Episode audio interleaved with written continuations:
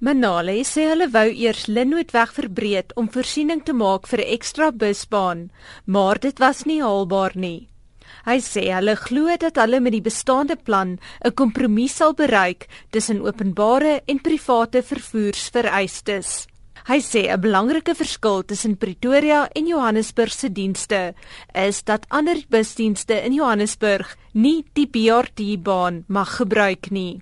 Ultimately, the BRT lanes will be integrated in such a way that all other public transport, particularly buses, can be able to use it. The reason is because the Johannesburg system was not designed as I said. Our buses are in such a way that they can be on both bay and on normal platforms. So our actual infrastructure has been designed with a different bus system. So the Johannesburg system is actually totally different from us. And our bus stops are designed for both BRT buses and all other buses. As part of the long-term discussion with the Gautrain growth, we actually want to even move just beyond the lanes, but include an integrated ticketing system where you can hop from Tshwane buses to Gautrain to A Re Yeng and ultimately to a minibus taxi where it provides a feeder route. Volgens Manale voorspel hulle dat die sogenaamde een kaartjie geïntegreerde stelsel al oor 2 jaar bekend gestel sal word maar daar sal eers 'n paar volhoubaarheidsplanne in werking gestel moet word sodat al die betrokke vervoerrolspelers hiertoe kan toestem.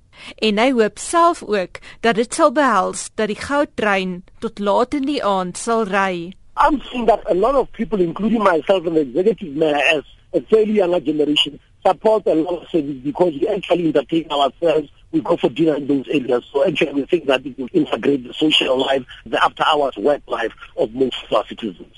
'n Groot kritiek teen die stelsel is dat daar nie parkeerplekke is vir motoriste wat die BRT stelsel gebruik nie.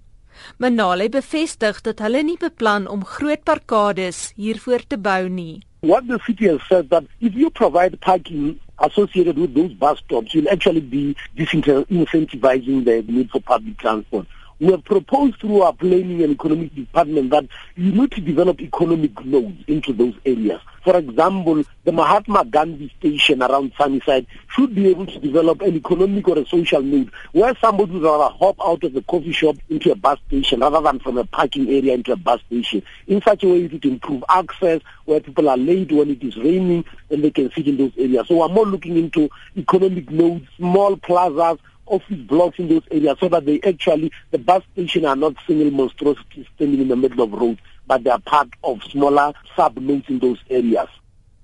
Hy sê sulke ekonomiese ontwikkelings rondom die stasies is reeds in die pipeline. There is big proposal and I think it's at an advanced stage for a development around the Loftus node. Mahatma Gandhi in Sunnyside is ready for such a development node. Nanasita is square within already a residential node and so is a Paul Kruger Square. So most of those nodes are actually within that. And as I'm saying, Loftus Versfeld node is at an advanced stage and with the stadium and the activity around that area, it should not be a problem. Manale sê hy is optimisties dat hulle reeds oor 2 maande met die konstruksie van die nuwe busbaan sal begin. We anticipate that with the current negotiations, we have now reissued a new tender for the design of the smaller lane, and we think that in two months' time, we should be back doing construction and we will catch up for the lost time. Dit was Blessing Manale, die woordvoerder van die Tshwane burgemeester, en ek is Anne Marie Jansen van Vieren in Johannesburg.